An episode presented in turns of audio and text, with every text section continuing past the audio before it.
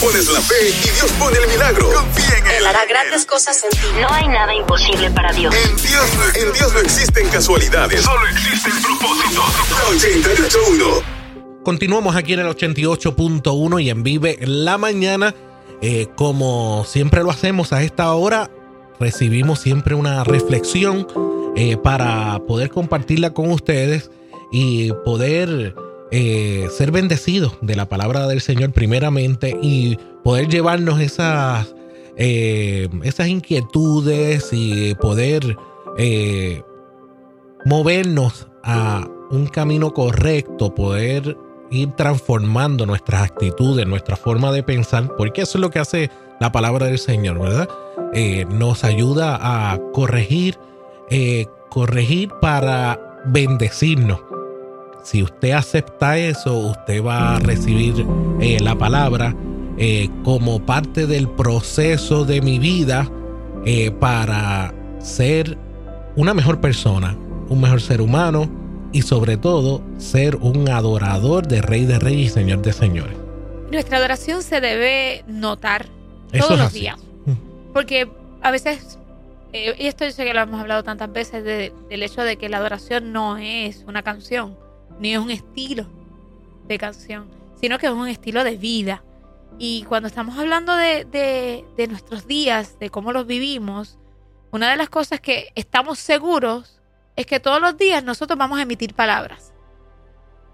¿Has pensado un día, ok, voy a pasar el día sin hablar? No, no pasa. Por más que quisiéramos. Porque pensamos que solamente el hablar es con nuestra lengua, nuestra voz, sino que, ok, yo puedo decir, no, no, lo voy, no voy a hablar, pero me busco comunicar escrito o con señas, o sea, siempre voy a dar una comunicación. Y cuando hablamos de las palabras, me hace llegar al libro de Proverbios para instarnos a saber cómo yo uso mis palabras. Y mira, mira qué interesante como dice Proverbios 12, versículo 18, dice, las palabras apresuradas pueden ser tan cortantes como un cuchillo, pero las palabras de los sabios traen sanidad. Entonces, ¿cómo yo me voy a, voy a usar, cómo yo voy a administrar mis palabras? ¿Cómo en este día, con quien me tope, con la situación que me tope, hay días que son mejores que otros y son más fáciles de llevar? cuando otro, el día se forma como que un poquito gris y nos hace la vida de cuadritos y uno quisiera decir muchas cosas y debe mejor pensarlo. Me llama la atención este versículo por el hecho de que en una de las versiones habla y dice que el que habla sin pensar.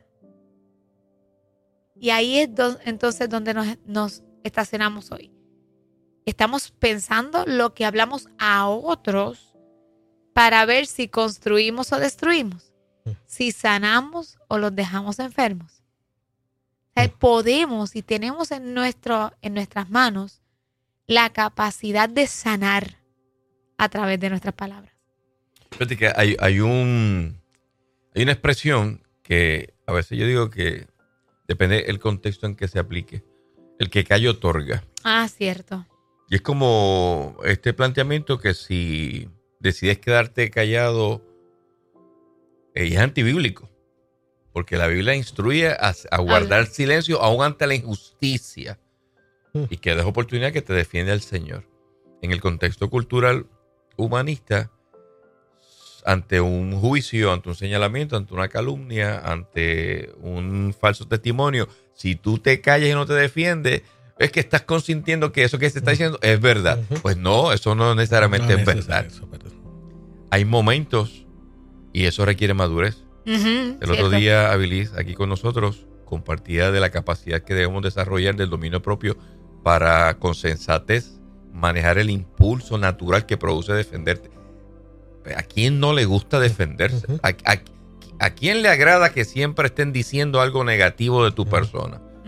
o que pongan en tela de juicio tu capacidad de hacer las cosas. Es verdad, eso nos pasa a todos. A veces quisiéramos como que de repente eh, mandar el salpazo verbal. Pero ¿sabes qué? Eh, a veces el silencio eh, habla más que mil palabras. todos lo hemos experimentado, son momentos de reposo.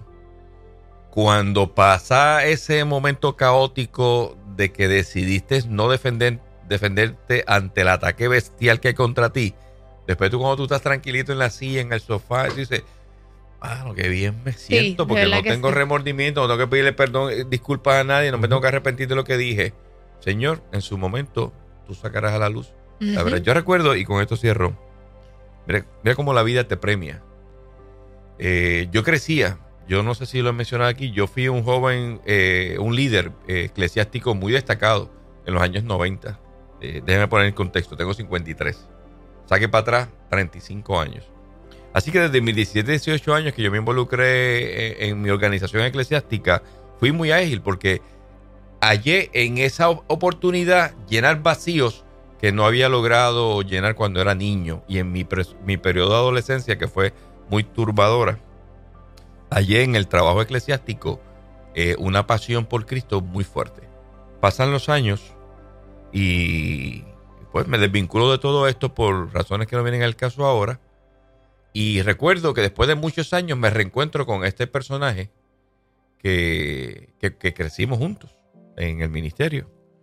Y después de muchos años, cuando nos reencontramos en una emisora de radio cristiana que me habían invitado para yo compartir eh, un poco de, un tema que domino, su bienvenida fue eh, una de, de, ¿cómo se llama? De una, una bienvenida hiriente fue un saludo cínico y fue exponiendo un fracaso que tuve en el matrimonio. Eh, o sea, allí se enteró medio mundo que yo estaba fracasada, fracasado eh, como esposo. Tipo creyente, un tipo que tiene programas de radio, es un destacado comunicador en este país. Y, y yo guardé silencio. Mi respuesta fue decirle al productor del programa, ¿sabes qué? no voy a realizar el programa. Eh, yo creo que mi presencia aquí no es bienvenida. Y recuerdo que dejé la entrevista y me fui. Eh, eso fue 2015, ocho años después. Esa persona me ha tenido que tragar porque sin yo querer buscar y sin pretender buscarlo, se ha tenido que dar cuenta de que esa persona que él pensaba que no tenía posibilidad de retomar algunas cosas no se iba a dar. ¿Qué hubiese pasado? esto lo planteo como historia. ¿Qué hubiese pasado si allí yo saco mis defensas? Y me pongo en el tome y tome con él. Probable que hubiese tomado la justicia en mis manos y Dios no me permitía ser honrado años después, donde eventualmente fue la persona, pues, eh, vino y pidió disculpas por eh, aquello que había hecho hace 10 años atrás. Me haces pensar de ese Salmo 23 eh, que mucha gente eh, lo conoce, lo recita, pero especialmente ese, ese capítulo 5, eh, que lo voy a leer en, en versión Reina Valera contemporánea para lo desmenuza mejor planteando esto. Cuando uno, cuando uno se mantiene callado, aún uno conociendo que es injusta la situación. Eh, y uno dice, Señor, tú eres mi protector, tú eres el que vas a defenderme de toda esta situación. Ese proceso no es fácil. No. Eh, eso no, eso no es nada de fácil. Pero cuando hay madurez espiritual, uno va entendiendo que Dios hace justicia. Ese versículo 5 del que quiero leerle dice, me preparas un banquete a la vista de mis adversarios, derrama perfume sobre mi cabeza y me colma, me colmas de bendiciones. Eh, eso es lo que ocurre cuando tú dejas que el Señor eh, sea el que obre. A veces uno metiendo la mano uno y queriendo hacer todo el tiempo, lo que uno hace es a veces dañar cosas. Y Dios, como todo un caballero, pues dice, si tú eh, hiciste, yo te observo. Pero cuando es lo contrario, Señor, yo me retiro y tú eres el que hace, Dios te pone en lugares privilegiados, eh, no como el acto de venganza que yo quiero hacer, simplemente el hecho de que honré a Dios en el proceso. Sí, porque a veces cogemos también esto y ya no, porque Dios me va a poner en posiciones para que el mundo no no coja esa actitud. Sí, porque tampoco hay que ver el corazón. Sí, exactamente. exactamente. Entonces, no, todo lo contrario, debemos de ser humildes para que Él obre y, eh, y se plantee este, eh, este versículo de, eh, sí, Dios te hará un banquete. ¿Cómo lo hará? No sé, Él es el que sabrá. ¿Cuál va a ser el escenario? Tampoco sé, ni lo esperemos.